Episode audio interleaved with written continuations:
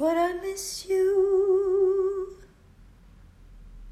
most of all, my darling. When autumn leaves start to fall, I miss you most of